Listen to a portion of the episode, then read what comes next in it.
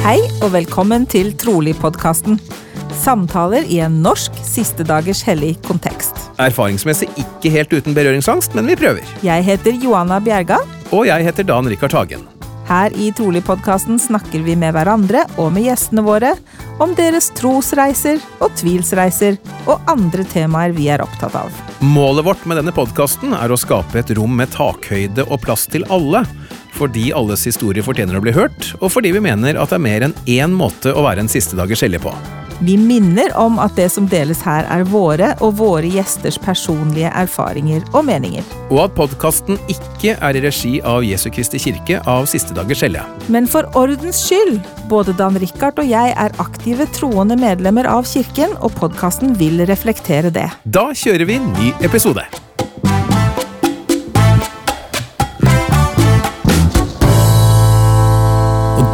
Ønsker vi velkommen til episode 39, har det nå blitt, Johanna. Ok. Ja, Ja. Holder ikke i tracking? Nei, jeg følger ikke med på det i det hele tatt. Det er bare du som gjør det. Ja, det er det. Én en ting jeg tenkte vi skulle si eh, før vi går i gang med dagens episode, det er det at uh, hvis du ennå ikke har fått med deg episoden med Terrell Givens, vår uh, sesongstartepisode, så er jo det egentlig et must. Er du ikke enig i det? Jo, jeg er ganske enig i det. Den er helt spesiell, og vi er veldig, veldig stolt av, eh, av at vi klarte å, å ha en samtale med Terrell. Absolutt. Men nå er vi altså ordentlig, ordentlig i gang da, med, la oss kalle det høstsemesteret for Trolig-podkasten. Yes. Og vi starter, eller vi starter ikke, for vi startet jo med Terrell-episoden, men i dag så skal vi snakke med Eirin Cecilie Gjedrem, og en del av dere eh, kjenner henne nok igjen fra eh, For det første så holdt hun en tale på stavskonferansen i Drammen for omtrent et år siden.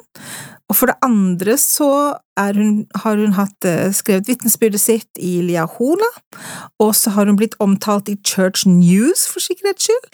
Og Ja, det er ikke alle som får til det. Nei! Og så, på toppen av det hele, så er hun jo faktisk eh, blitt YouTuber dette siste året her.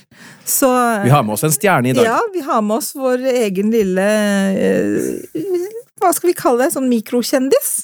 Ja. Eirin? Takk, takk for det. Følte du deg truffet her nå, eller? Jeg, jeg vet aldri hva jeg skal si når folk sier sånn, men jeg er jo takknemlig. Ja. Vi gleder oss i hvert fall til å bli enda litt bedre kjent med deg. I like måte. Ja, altså, jeg må innrømme at eh, jeg har vel aldri sett deg, tror jeg. Eh, Bortsett fra i denne Church News-reportasjen som jeg titta litt igjennom. Og da skjønte jeg jo med en gang at dette her skal bli spennende å, å høre mer om, for du har en eh, spesiell historie. Ja, stemmer det. Men vi, vi, vi får vel begynne sånn helt fra børjan, da. Eh, For det, akkurat den historien jeg nå snakker om, den kommer jo på en måte litt senere i livet ditt. Mm. Men vi må jo bli litt bedre kjent med oss, så vi får ta liksom helt fra børjan. Hvor kommer du fra, og, og hvem er du egentlig? Ja, jeg, som sagt, jeg heter Eiran Cecilie Gjedram. Jeg er fra Sandnes i Rogaland. En koselig liten naboby til Stavanger, som gjerne folk flest kjenner til. Født og oppvokst. Eh, og ellers så ja, har jeg levd mange år på kort tid. ja, ikke sant? Så ja. Og familien din, hva slags familie kommer du fra? Så jeg eh, vokste opp med mor. Jeg eh, hadde far fram til jeg var 11. Han døde dessverre i en overdose med rus. Ja. Han tok noen valg i livet som ledet han ned på en litt tøff sti. Så det har vært eh, meg og mammi, som jeg kaller henne for. Jeg har vokst opp med å si mammi og pappi. Så, så det er en liten alternativ kjernefamilie hvor hun var både mor og far. Mm. Eh, Vi hadde besteforeldre, og de var til stede så mye og så godt som de kunne. Men mammi har alltid hatt et veldig behov for å være selvstendige og klare seg på egen hånd, og det har jeg arva. Ja, ikke sant? Mm. Men det er ikke nødvendigvis noen dum egenskap, det. Nei. Nei. Ja, og så skjedde det noe da du var 14, som har preget eh, livet ditt eh, videre. Skal vi, skal vi kanskje ta den? Det kan vi godt. Og det var en eh, julidag, 3. juli 2001. Jeg tilbrakte sommerferien min hos min mamma og morfar, som bodde på Sunde i Stavanger, i nærheten av en opparbeidet badeplass. Min mor var alene med meg, hadde bare tre uker ferie, så da var jeg der mesteparten av tida. En plass jeg hadde bada mange ganger før og var kjent med, og det var populært og attraktivt reisemål for mange i området. Og akkurat eh, den dagen, den skjebnesvangre dagen, så sitter jeg på, på stranden med en venninne, og så snur jeg meg og sier til henne at du, jeg har en forferdelig dårlig magefølelse på at det kommer til å skje noe tragisk. Jeg vet ikke hva det er, jeg vet ikke hvorfor jeg kjenner det, men jeg føler til og med skyene har blitt mørkere. Jeg kjenner ikke skikkelig sånn kvalm og løyen. Og så sa hun liksom bare prøv å slappe av, det er sikkert ingenting. og eh, Jeg visste at jeg hadde hatt disse følelsene før, og at de som regel alltid betydde noe, men denne skremte meg spesielt mye, husker jeg. Så prøvde jeg å bare la det være med det og finne litt roen. og så tenkte jeg ok, nå er det på tide å komme seg ut i vannet. Det var litt tidlig sommer, så det var litt kaldt ennå, så jeg tenkte ah, jeg stuper uti som jeg har gjort 100-200 ganger før. Og det var en mann som hoppet før meg. Så kom han opp av vannskorpa og så sier han bare kom han uti. Det var deilig. Så stuper jeg. Så er det neste jeg husker, at eh, jeg treffer noe, og det er hardt, og jeg kjenner bare hele kroppen styrte inn mot seg sjøl. Jeg hører en forferdelig lyd i nakken som jeg ikke klarer å beskrive, og til og med den dag i dag. Um, det viser seg at jeg har truffet en stein og brukket nakken der og da. Så jeg var helt lam mens jeg var under vannet. Og jeg kunne ikke bevege meg.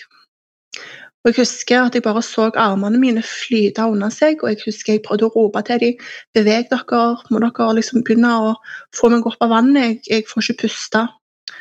Så tar panikken meg, fordi at jeg forstår at jeg holder på å drukne. Og jeg skriker og jeg skriker og jeg skriker og roper om hjelp, og ingen hører meg. Så flyter jeg opp til vannskorpa, og så begynner jeg å høre venninna mi stakkar som står og roper for harde livet liksom, 'slutt å tulle'. Og jeg prøver å skrike 'jeg tuller ikke, det er ekte, jeg dør'. Og plutselig så var det ikke tungt lenger. Det var, det var ikke tungt ikke kunne puste. Det var akkurat som jeg bare var. Eh, at jeg bare eksisterte og fløyt i ett med vannet. Så husker jeg det kom noe sånn gull som begynte å formere seg under meg i, i bunnen av sjøen, som fløyt opp mot meg. Sånn varm, lun god energi. Og så kommer det en tordenlyd, husker jeg tenkte for meg sjøl Ja, ja, nå dør jeg, og tordner der i himmelen, det var jo en rar velkomst. Så var det lyden da av de som kom springende ut i vannet for å få meg opp og inn, og det var han som hadde stupt før meg, og en brannmann som òg var til stede med sin kone, som var sykepleier. Jeg har litt sånn hell i uhell, og på den dagen så ble jeg redda av de mest perfekte menneskene mulig. Opp på vannskorpa, godt ivaretatt, fikk lov å ligge i fred, ble ikke rørt. Også inn på sykehuset. Og det var jo der den drastiske beskjeden kom etter en lang, lang operasjon at eh, skaden var permanent, og at jeg aldri ville gå igjen. Så øh, den skaden er Hvor skjedde den? Altså hvor i, hvor i nakken eller i så den er kategorisert som en komplett, dvs. Si at alle nervene er enten skada eller revet av, fra C4 til C6. Så det er fjerde til sjette leddet fra liksom toppen av bakhodet ned. Mm. Men jeg ser du har jo litt, eh, har jo litt bevegelse i armene og, og, hendene, så du er lam fra brystet og ned, men du har litt Jeg er lam fra nakken og ned, men noen av oss er tetraplegikere. Vi beholder litt av skulder- og armkontrollen, jeg har ingen kontroll på finger- eller håndledd, eh, sånn at jeg har omtrent 5 muskelstyrke og bevegelse igjen. Ok. Mm, det er ikke alle som får det, så jeg regner meg heldige. Så da Det ble jo et helt nytt liv. Du, hvor eh, lang Jeg vet at du, du var på Sunnaas en stund, du var til opptrening Jeg var i Bergen, hadde jeg mitt primæropphold. Så jeg var Bergen, på Spenalenheden, ja. Ok. Mm. Hvor lenge varte det? Skulle ha vart et år. Jeg var ferdig etter syv måneder. Da ville jeg hjem. Jeg var sint og rasende på livet og alle som kom inn i det, fordi jeg ville ikke bli tatt på. Jeg ville ingen skulle se meg naken. Jeg ville ingen skulle komme inn i min private sfære. Så jeg ville egentlig bare hjem for å dø. Jeg tenker at når man er 14 år gammel, det er jo allerede en litt sånn komplisert og vanskelig fase i livet, puberteten og, og tidlig ungdomstid og alt er sånn, og så får du dette, dette, på toppen. Det var jo nok å være ungdom, det var nok å ikke ha ei kvese eller være bekymra for om buksa var feil, om du gjerne ble mobba for det. Sant? Altså, det var tøft nok å være menneske eh, i den perioden, og så plutselig så skulle jeg være så annerledes og skille meg sånn ut og potensielt bli et mobbeobjekt, og livet var liksom over. Jeg skulle ikke få oppleve kjekke ting mer. Jeg så ikke poenget i å fortsette. Så jeg husker jeg ville bare hjem, og det var heldigvis der at jeg etter hvert så veien videre, da. Når ting roa seg. Mm. Hvordan klarte du det, holdt jeg på å si?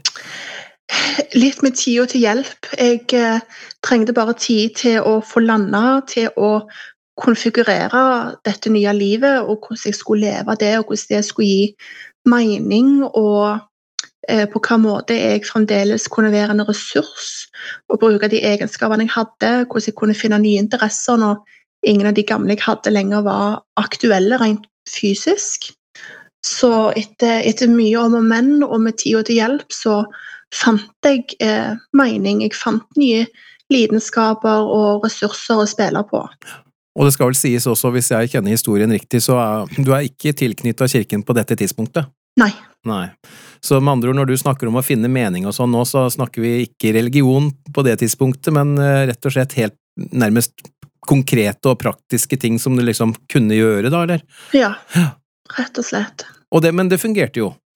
Ja, det, det gikk seg til, og jeg eh, prøvde meg på litt forskjellige ting og prøvde å, å, spille litt instrumenter igjen. Eh, det fungerte ikke, men da prøvde jeg andre ting. Jeg prøvde meg på paraidrett. Det var ikke helt det store.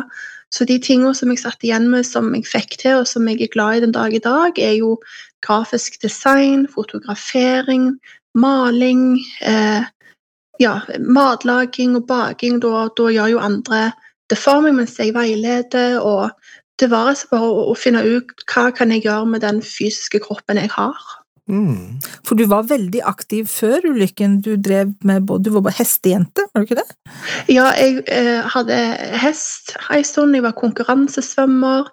Jeg spilte piano, tverrfløyte, fiolin da jeg var mindre. Jeg eh, prøvde meg litt på tennis, gikk på turn. Det var liksom mye som jeg syntes var kjekt. Og jeg var glad i å bruke kroppen jeg hadde, og, og det den kunne gjøre. Det var nesten som jeg forsto at jeg hadde litt lite tid. Ja, ja. Hm. Mm. Men 14 år gammel var du altså. Mm. Holdt på å si, hva skjedde videre? Så videre så, så tok jo liksom hverdagen form etter hvert, og jeg prøvde å komme meg tilbake i skole og, og få fullføre det, og sakte, men sikkert så fikk jeg fullført en del fag. Den dag i dag så har jeg ikke studiekompetanse, men jeg kom nesten i mål, og det var en god følelse, det. Eh, jeg var bare 16 når jeg begynte å chatte med en Steinar, som jeg da traff når jeg var blitt 17. Eh, og vi ble sammen da, og vært sammen i 19 år og gift i 13. Oi. Så de tingene som jeg tenkte ikke lenger var mulig for meg, eller jeg ville få oppleve, de, de oppfylles den ene etter den andre. Eh, da, da, skjønner jeg at da fikk plutselig livet en helt ny mening. Da fikk det en helt ny mening. Gjorde det. Jeg utdanna meg til å bli HR-coach, sånn at jeg kunne bruke mine ressurser og den mentale evnen jeg har til å bistå. Jeg bruker òg den coaching-bakgrunnen når jeg filmer videoer for YouTube, i møte med andre mennesker, fordi jeg tenker at møter er eh, opplevelser, og jeg ønsker å gi folk en god opplevelse. Du verden. Ehm, forrige uke så hadde Johannes og bandet de hadde stuekonsert hjemme hos Eirin. Å oh, ja. ja um, en litt sånn forsinket julegave. Og så, og så, satt jeg og så på henne mens hun holdt på og dirigerte og styrte og, og, og, for å få alt på plass. Og så, så tenkte jeg Eirin, du skulle vært bryllupsplanlegger, for hun er sånn har sånn øye for detaljer og sånn estetisk sans og Nei, den blomsten skal stå der, og den potten skal stå der, og så må du passe på å fylle opp disse glassene her. Det var, det var ganske morsomt å se deg, faktisk. Ja, system gir mening for meg. Jeg er glad i organisering og eh, lager mye systemer selv i rollen min som arbeidsleder for assistentene. Jeg, jeg liker å bygge ting som hjelper å strukturere og gi oversikt og orden. Det hjelper meg å føle for å få kontroll.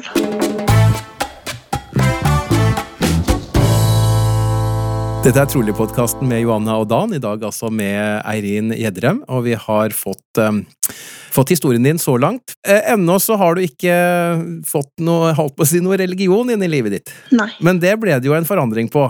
Fortell Mhm. litt om det.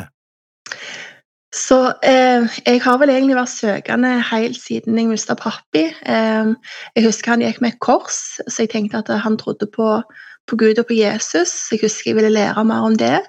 Eh, jeg husker jeg begynte i en dansegruppe i en baptistkirke hvor jeg fikk lære mer om Jesus. Jeg bestemte meg for at det var et verdig forbilde, og jeg hadde i med meg han i livet siden.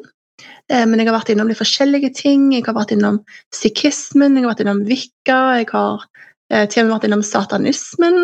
Ja. Eh, Jeg tenkte det var verdt å kikke på alt, fordi tro er veldig viktig. Men å kunne stå for noe som jeg forstår hva det betyr. Så tok jeg eh, i 2011 en eh, test på internett som heter Beliformatic. Og den sa at eh, jeg matcha mest med trossystemet til Church of Jesus Christ of Latter-day Saints. så tenkte jeg, Det var både liksom kjent og ukjent samtidig. Eh, Så viser det seg at eh, når jeg var ti år, så var jeg med ei venninne på en sånn troskveld. Eh, Og jeg husker at jeg syntes det var så gøy i kirka hennes, og jeg likte meg så godt der, og hun er katolikk, så jeg tenkte det gir mening liksom, med, med navnet og med alle bildene og med den gode energien, og det må jo være det pappi følte. Og det rare var jo da at når jeg fant nettsida og bestilte ei gratis mormors bok, når det tre dager senere ringer to søte jenter som snakker gebrokken norsk-engelsk og sier de vil komme og gi meg eh, mormors bok, så sier jeg nei, vet du hva, jeg kjenner jeg skal komme og treffe dere, kan jeg møte dere i kirka? Ja, ja, ja. Og så er det på vei mot Stavanger, og vi begynner å nærme oss der meg og mammi alltid kjørte av når vi skulle til Hillevåg, fordi jeg ville se på kirka til venninna mi, den katolske kirka som jeg hadde vært i. Og så er vi på vei ned bakken, så tenker jeg Nei, det er jo ikke samme kirka, er det det? Og jo, etter hvert så svingte vi inn til høyre, og vi stoppet ut føre Jesu Kristi kirke og Siste dagers hellige, men han var ikke katolsk. Og jeg hadde vært der en gang før, og jeg hadde elsket det siden. Så det føltes ut som å komme hjem. Det var rett og slett litt poetisk. Men du sa noe uh, tidligere i denne historien, så sa du tro er viktig, sa du. Mm. Uh, fortell litt mer om det. Hva mener du med det? Tro for meg er viktig fordi når livet er så tøft at eh, det ikke føles ut som det er noen hensikt eller mening med å leve, så søker du noe som gir mening, som gjerne gir en årsak for at disse tingene skjer, som gir et løfte om at det å holde ut og leve i de tingene kan være verdt det, sånn at du velger livet istedenfor døden. Mm. Det er håp. Likevel interessant syns jeg i hvert fall da at det likevel kom senere da, i din prosess. Du Mhm. hadde på en måte klart å starte den positive prosessen veldig godt selv. Så, så på, på en måte så kan man jo si at religionen da kom inn litt senere som en enda, eh, hva skal jeg kalle det, en bonus da. Mer enn det selvfølgelig, men Ja, han gjorde det fordi eh, ulykka um, Ulykka er ikke det verste som har skjedd meg, og det er et veldig sårbart og tøft tema, så det syns jeg er vanskelig å gå inn på. Men det er det mest omfattende fysisk. Men mitt liv var kaos lenge før jeg ble skada. og all den mentale lidelsen og utfordringen, både fysisk og psykisk, som kom med det, fulgte meg inn i ulykka og ble forsterka av mange ting. Så jeg sleit lenge med depresjon, jeg utvikla dødsangst. Og selv om det var positive ting i livet, jeg traff Steinar og jeg gikk på skole og eh, jeg gjorde ting Når jeg kom hjem, så, så føltes nesten ting ulidelig og ulevelig. Så, så til og med etter ulykka så har jeg hatt en lang reise og, og, og hatt forsøk på å forlate jorda. Og det var da troen kom inn i bildet. ok. Men du brukte lang tid. Altså, Ja. eh, du fikk, eh, du fikk mormonsboken, og du, du begynte å komme i kirken, og du ble undervist av misjonærene og, og Mm. sånn, og, og ble kjent med en del av medlemmene i menigheten og sånn, men, men du brukte god tid. Hva var det som skjedde? For meg så, så var det nok eh, både fordi at det var en veldig annerledes måte å tilnærme seg evangeliet. Det var jo òg et ekstra skrift, altså et ekstra evangelium. Må du forstå det? Jeg sleit med å forstå disse gamle ordene og betydningene liksom, som lå gjemt i disse skriftene. Eh, og så var det temaer og ting som påvirker meg i min hverdag som jeg ikke visste hvordan jeg skulle forholde meg til. Hvis jeg sa ja til noe, måtte jeg da være imot det, f.eks. Selv, selvbestemt abort, homofili, eh, store temaer som berører både meg og mennesker jeg er glad i. Og Hvordan konfigurerer jeg det, hvordan setter jeg det i sammen på en måte som jeg kan stå for det hvis jeg tar det valget. Og det tok veldig veldig lang tid for meg å finne ut av å forstå. Mm.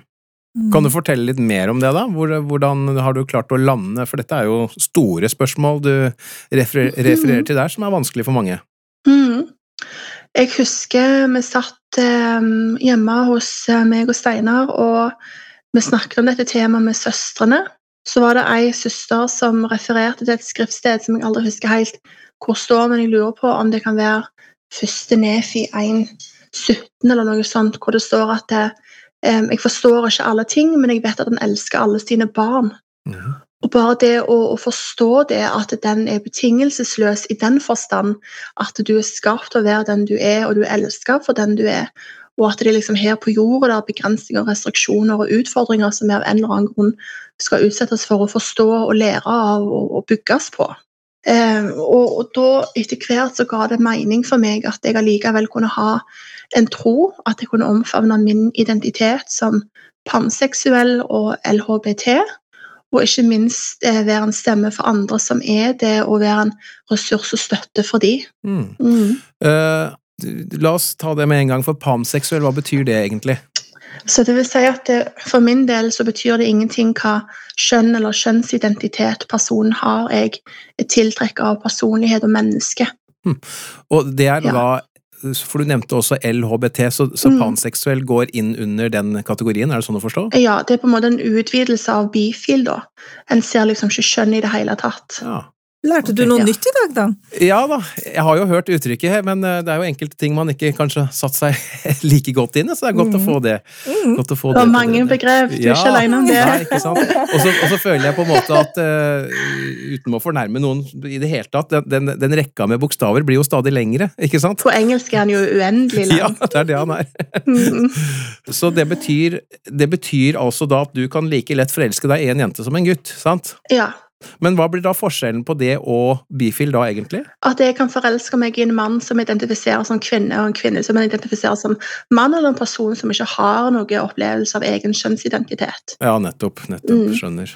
Du endte nå likevel opp med Steinar? Jeg endte opp med Steinar, ja. Du endte opp med Steinar, og um, Steinar har jo stått litt på sidelinjen i forhold til dette med din trosreise, og, og sett deg uh, prøve ut og undersøke flere forskjellige ting, og kan du fortelle litt om hvordan det har vært? Fordi det er jo en, en viktig dimensjon i en parrelasjon, tenker jeg, og, og, for meg, som står på utsiden av det igjen, av deres forhold, og ser på, så, så syns jeg dere har, dere har funnet en, en veldig fin balanse. Kan du snakke litt om det?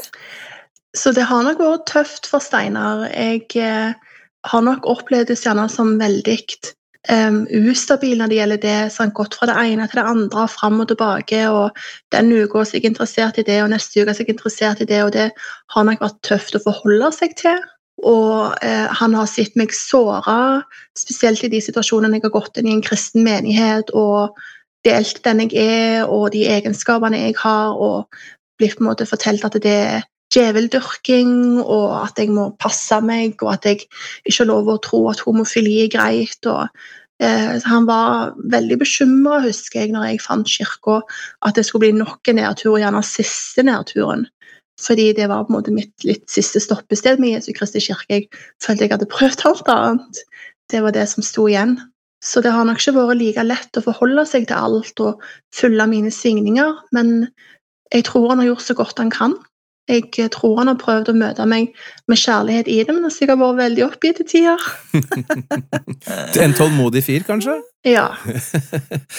jeg er også litt interessert i, for du sier at du har vært innom mange forskjellige kirkesamfunn, mm. og kanskje noe som ikke engang kan kalles kirkesamfunn, eller? jeg er ikke ja. sikker. Ja, jo, for så vidt. Ja, kan du fortelle litt om hvorfor din søken på en måte aldri slutta?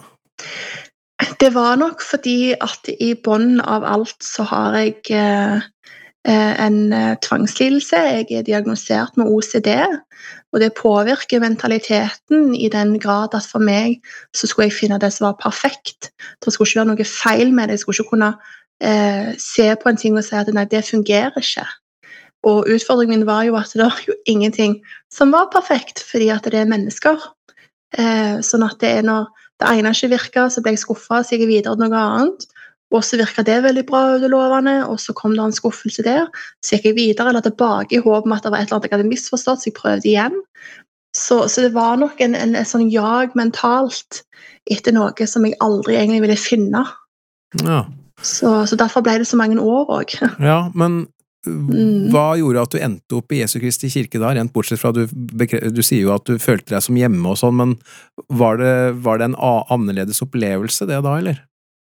Ja, eh, jeg husker første gang jeg var med der på et søndagsmøte, så var det en veldig spesiell energi. Jeg syns det var veldig spesielt at medlemmene gikk opp og talte, og at du får bli kjent med dem på en veldig spesiell måte, for at de deler av seg sjøl, og eh, håper at du som sitter der, rommer den de er, og det de har å si.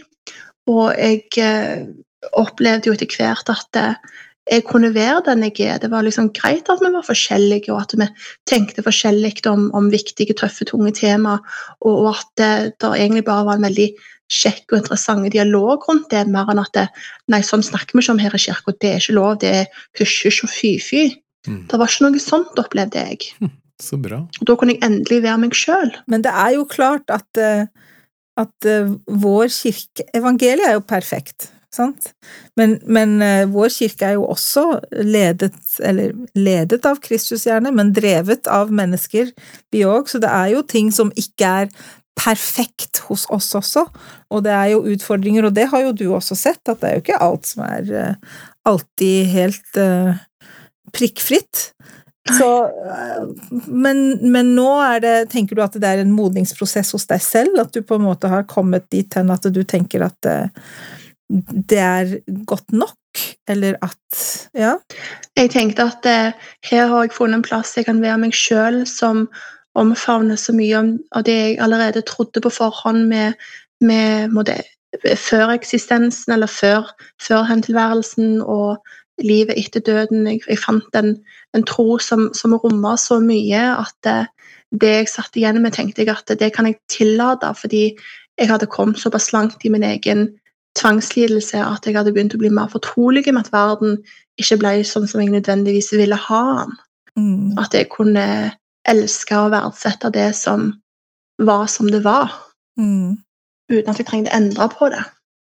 Jeg har nettopp lest ferdig en bok som jeg kommer til å snakke om lenge, tror jeg, som heter eh, Both Things Are True, av eh, Kate Holbrook, som er, eh, var eh, kirkehistoriker. Og hun snakker mye om dette med på det ene siden, altså ting er ikke svart-hvitt, ikke sant? Det er ikke enten-eller, det er både og.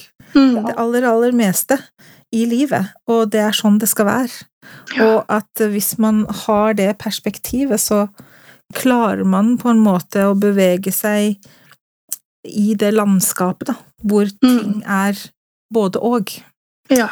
Jeg føler at det har gitt meg litt ro, gitt meg litt rom for å lande litt alt det jeg kanskje syns er vanskelig, da, Mm. og kan være vanskelig i kirken og i livet ellers, er at begge ting kan eksistere parallelt, uten at det dermed på en måte ugyldiggjør det.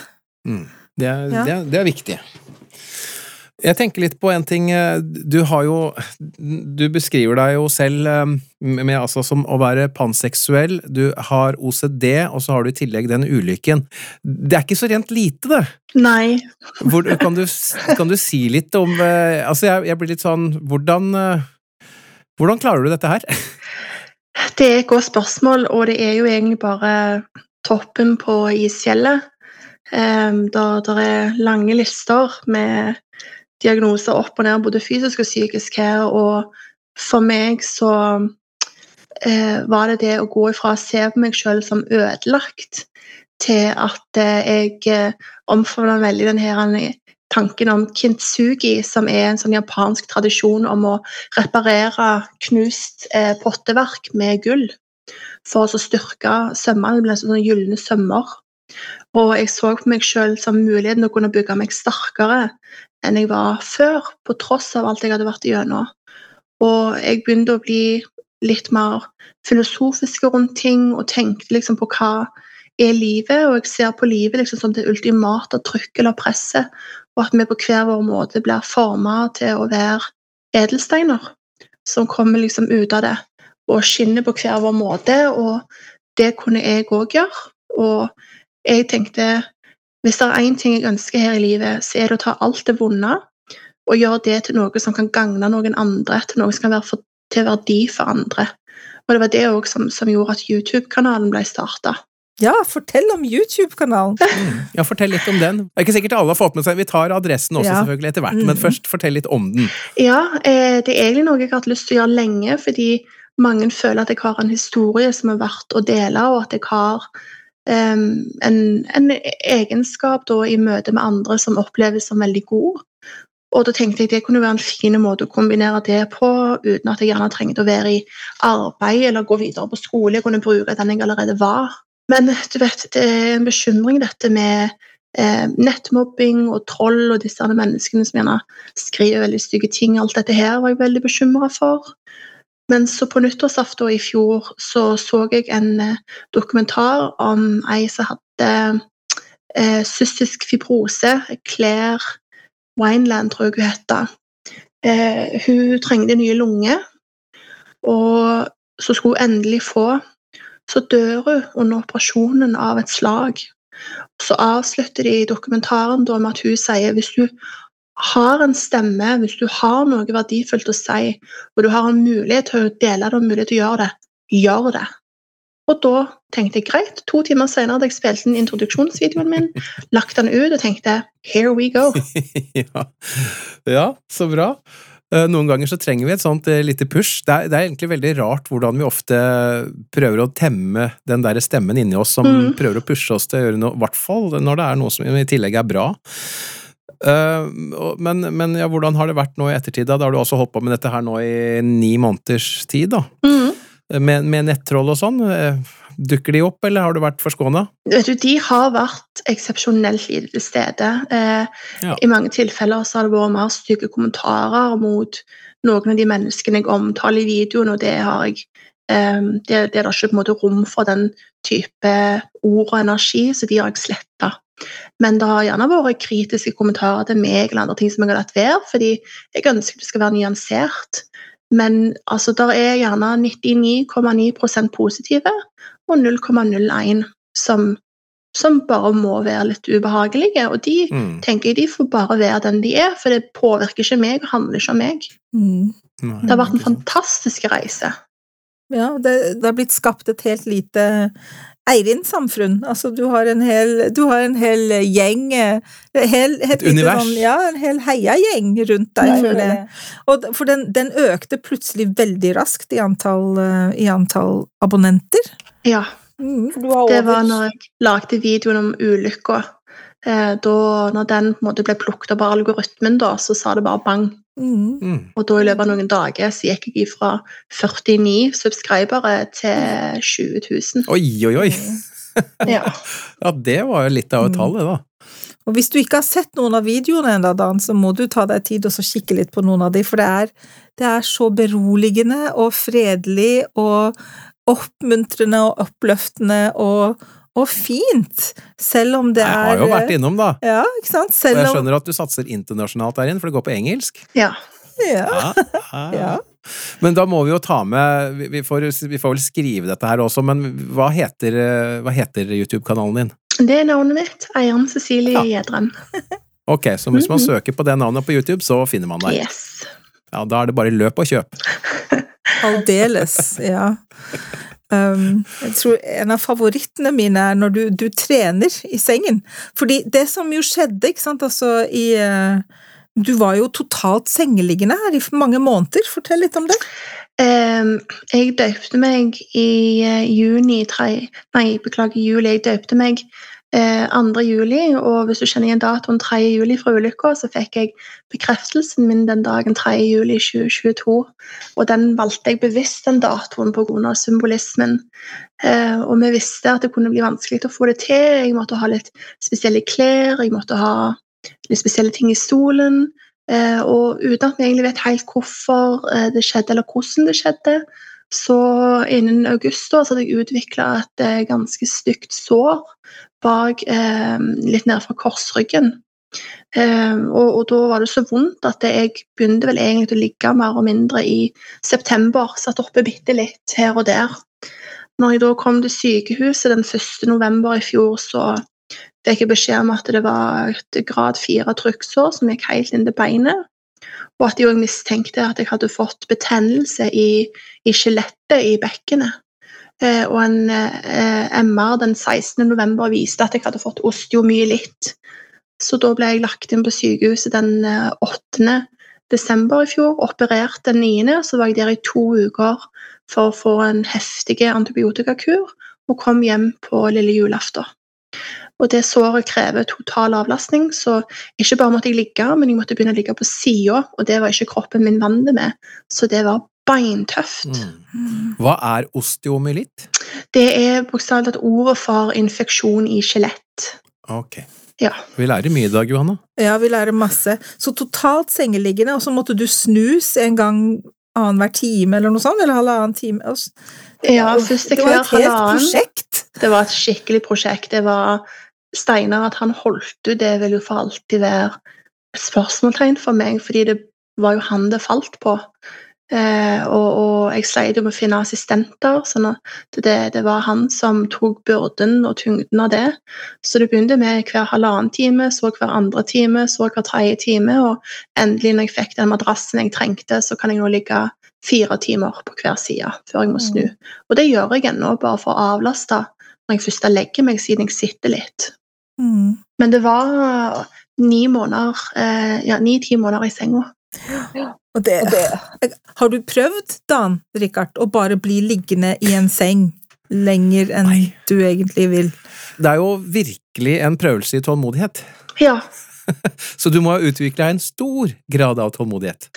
Det tror jeg, og kombinert med at jeg fikk dåpen før dette skjedde, så har det vært en veldig bærekraft for meg, fordi jeg opplevde at det ga en egen styrke og tillit til at det kom til å gå bra. Det betyr ikke at jeg ikke var lei meg og nedfor og redd og hadde mange dårlige dager, men jeg tror det gjorde at det ikke ble så ille som det kunne vært. Mm. I dag i kirka var det ei som delte at det, gjennom troen så vi får sånn skjold som gjør at vi kanskje tåler motgang bedre. Og det kjente jeg meg veldig igjen i, for um, jeg, jeg, forstår ikke helt sjøl hvordan jeg klarte det med tanke på min eh, sinnshistorikk. Nei, ikke sant. Mm. Mm. Og så midt oppi dette så starter hun altså en YouTube-kanal ja, ja, ja, som skal liksom være til, til oppmuntring og opp, liksom oppløftende for andre. Ja. Vi venter jo altså, bare på hva blir det neste, selvfølgelig. For her, det stopper garantert ikke der. Men jeg, jeg, vet jo at det er jo Er det ikke også en liten sånn parallellhistorie oppi alt dette her med en eh, tidligere søstermisjonær? Eh, ja, tenker du på Gabby? Jeg gjør det. Ja. Hun var nemlig misjonær i Moss, jeg kjenner henne. Ja, ja riktig. Ja. hun er en vakker sjel. Eh, det var Maren Sofie i vår menighet som eh, foreslo både for meg og Gabby om jeg kunne passe for hverandre, fordi jeg trengte assistent.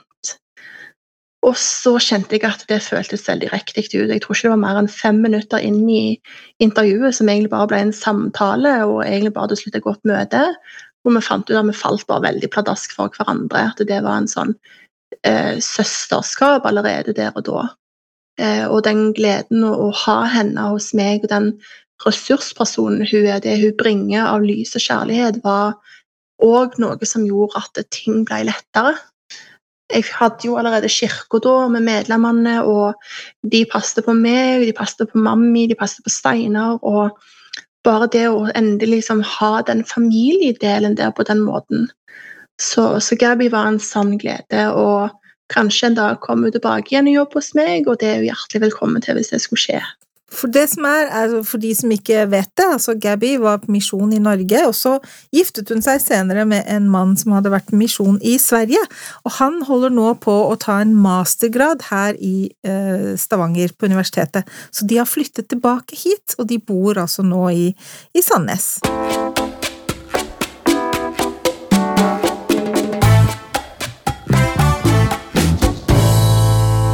Du hører på Trolig-podkasten med Dan og Johanna, og i dag snakker vi med Eirin Cecilie Gjedrem. Og eh, nå kommer vi til våre faste poster.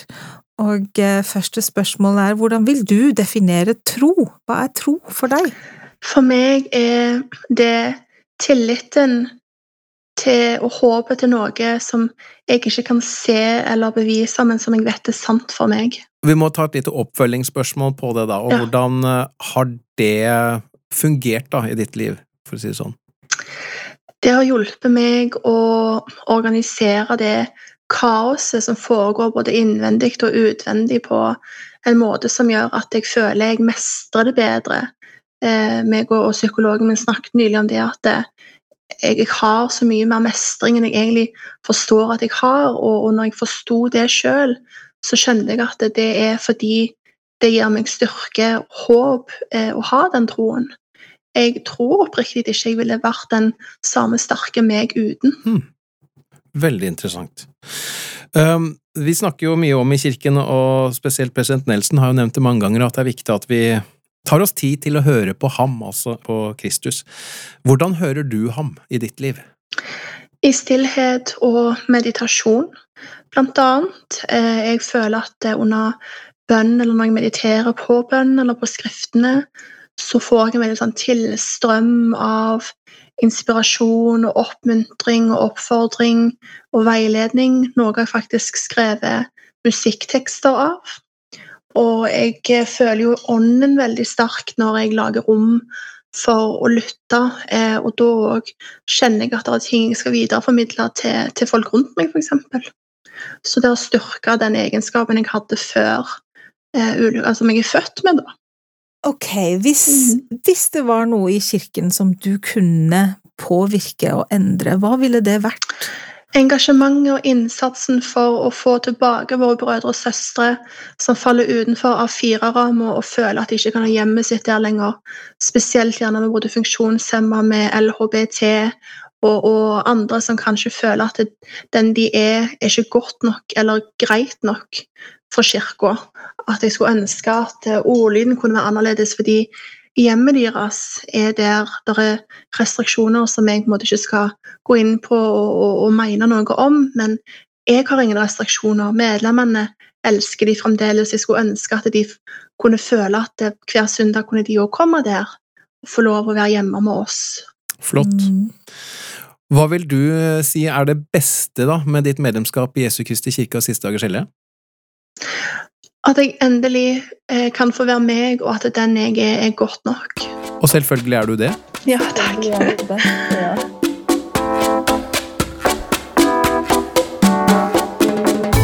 Tusen takk for at du hørte på dagens episode. Vi er snart tilbake med en ny og spennende samtale.